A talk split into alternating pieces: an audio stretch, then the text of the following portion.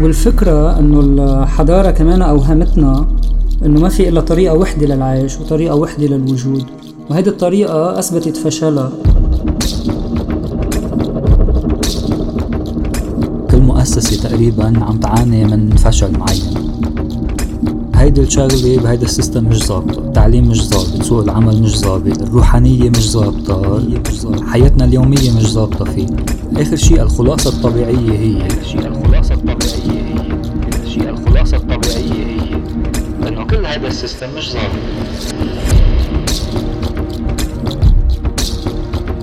العالم القديم انهار ونحن هلأ عم ندخل على فترة مختلفة اللي عم يتشكل فيها العالم الجديد. ونحن بدنا نتغير مش لأنه نحن بنكره أنفسنا أو لأنه مش قبلانين حالنا بالعكس تماما. نحن بدنا نوصل لطاقتنا الكاملة.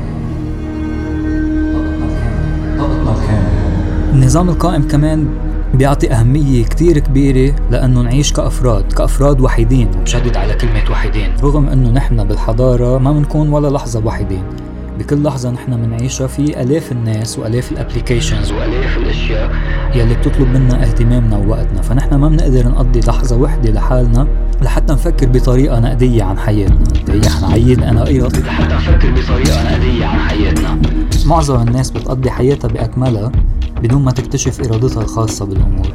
واكتشاف الإرادة هو نفسه العودة إلى البرية لأنه لما نكتشف إرادتنا الحقيقية بتعيش وفقا لقوانين الطبيعة وموجودة عند كل حدا فينا.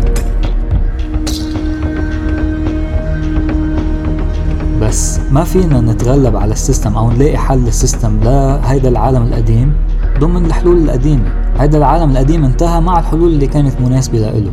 هيدا العالم القديم انتهى مع الحلول اللي كانت مناسبة لإله. هيدا العالم القديم انتهى مع